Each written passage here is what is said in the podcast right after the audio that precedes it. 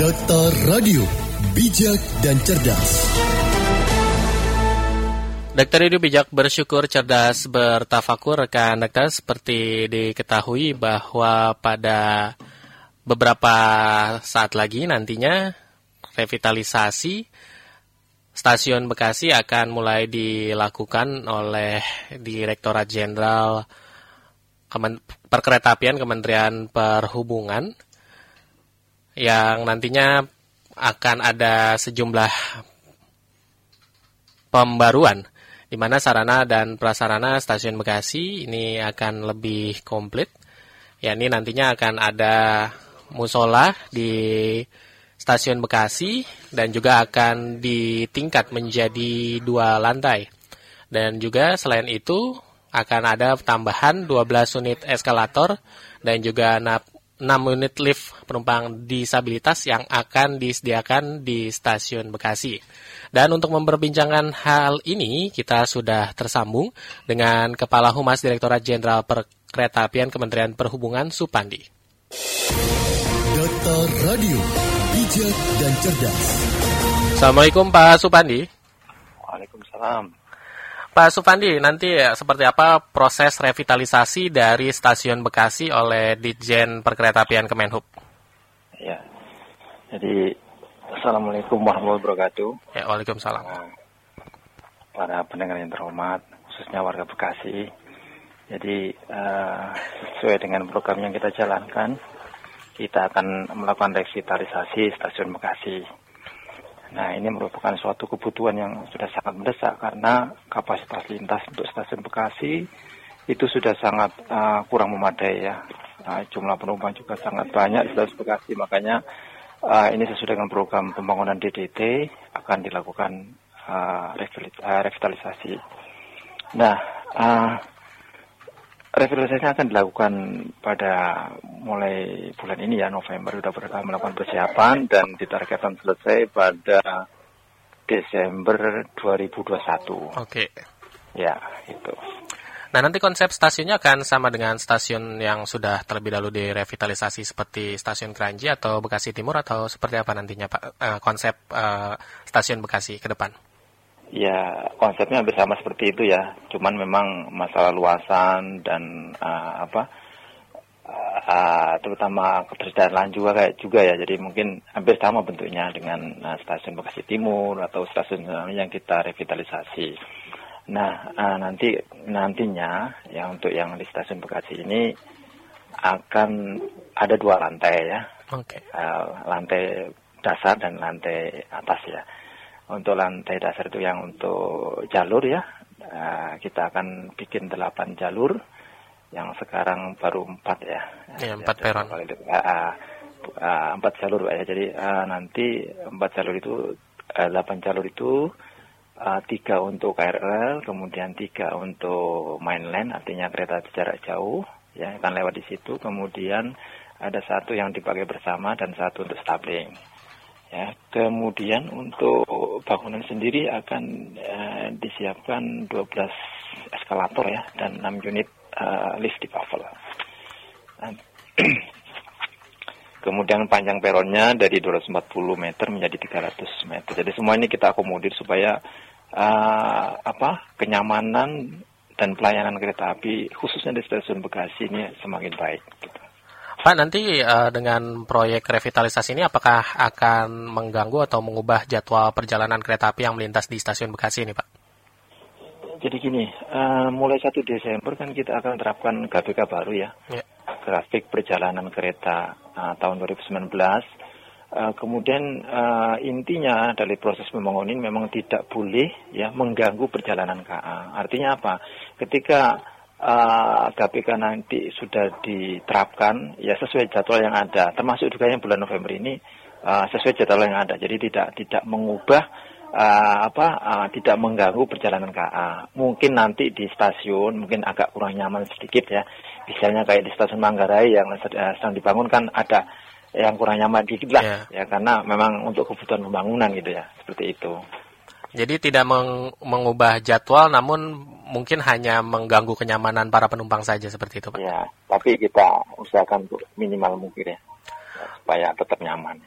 Pak, untuk lahan yang direvitalisasi ini akankah menggunakan lahan juga milik pemerintah Kota Bekasi atau memaksimalkan lahan milik Direktorat Jenderal Perkeretaapian saja, Pak? Enggak, di situ lahannya punya PT KAI ya, jadi ya, tidak ada pembebasan, jadi semua yang dipakai adalah lahan PT KAI, cuman memang ada di situ yang uh, ada kemarin kita uh, istilahnya kerjasama dengan Pemda ya untuk membangun laybai. Ini nanti untuk kepentingan uh, pembangunan ini, ini ya akan kita tertibkan dulu. Artinya ini memang uh, sudah ada kesepakatan dulu dipinjam sementara untuk laybai.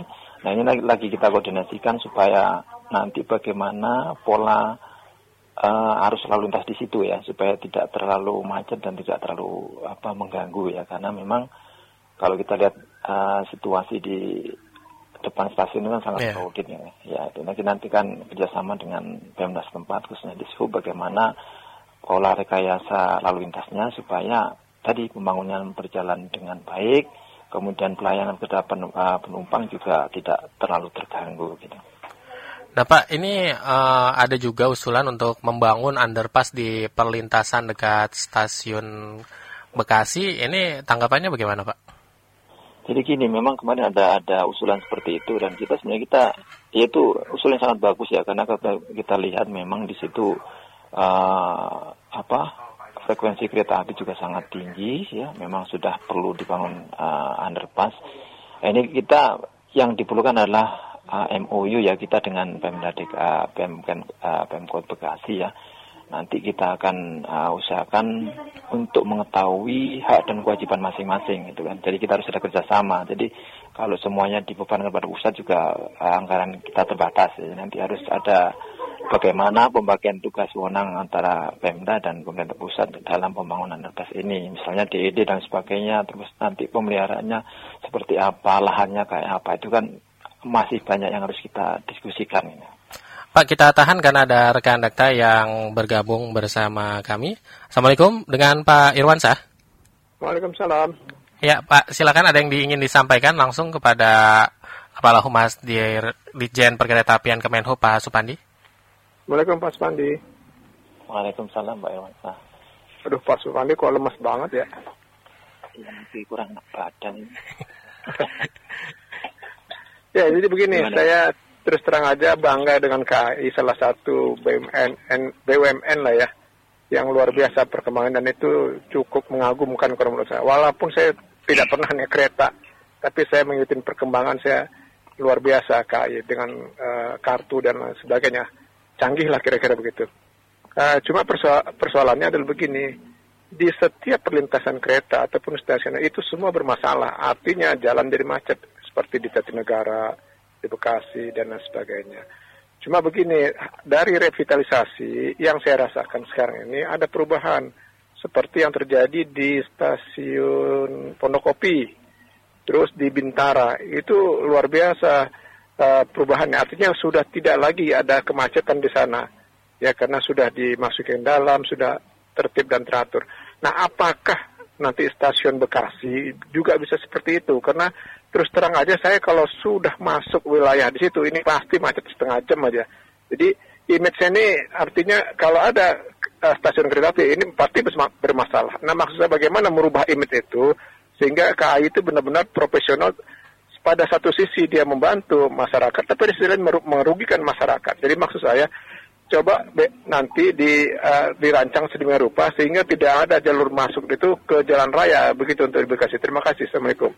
Waalaikumsalam Pak Irwansa, terima kasih. Pak uh, Supandi, memang ini nampaknya dari perhatian kami juga di setiap perlintasan sebidang dengan rel kereta api dengan jalan raya itu memang uh, menjadi kema titik kemacetan. Nah, mungkin tadi usulan bahwa uh, beberapa perlintasan sebidang itu dilakukan underpass, uh, dibangun underpass ataupun ditutup saja seperti yang terjadi di stasiun Cakung dan juga stasiun uh, Pondokopi seperti itu, Pak Supandi. Silakan ditanggapi.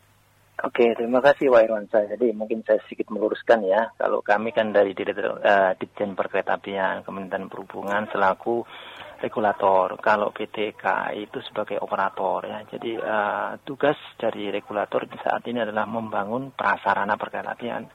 Kalau uh, operator itu yang menyediakan keretanya ya mungkin itu saya untuk meluruskan aja terima kasih apresiasinya kemudian terkait dengan uh, apa ya yang terpetik di benak masyarakat bahwa di stasiun itu macet. Nah memang ini tantangan kita bersama ya.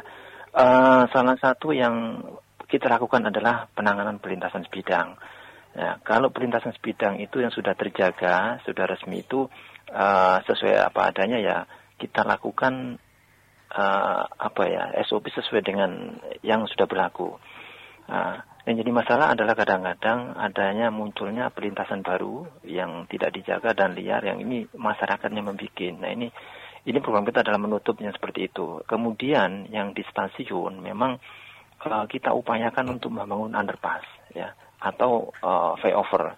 Cuman ini saya katakan tadi kita tidak bisa berjalan sendiri karena sebenarnya penanganan pelintasan bidang ini pemerintah daerah juga terlibat sesuai dengan Undang-Undang uh, 23 tahun 2007 tentang perkereta apian. Nah, ini makanya kita juga selalu aktif untuk berkoordinasi bekerjasama dengan pemerintah daerah supaya juga memikirkan bagaimana menangani pelintasan bidang ini bagaimana menangin supaya di stasiun tidak macet.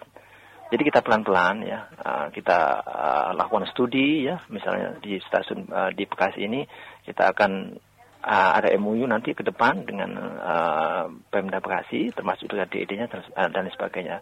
Dan nanti memang tujuannya adalah supaya kesan bahwa stasiun macet itu bisa sedikit demi sedikit itu dikurangi itu berkurang ya. ya seperti tadi yang disampaikan di Pondok Kopi dan sebagainya. Nah kita harapannya juga seperti itu di stasiun Bekasi karena stasiun Bekasi ini bisa kita kan sebagai ikon ya di Bekasi nanti akan cukup megah lah stasiun ini dan ya.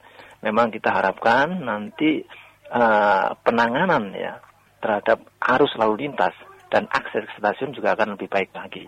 Tentunya nanti kita kerjasama dengan Pemda setempat itu Pak.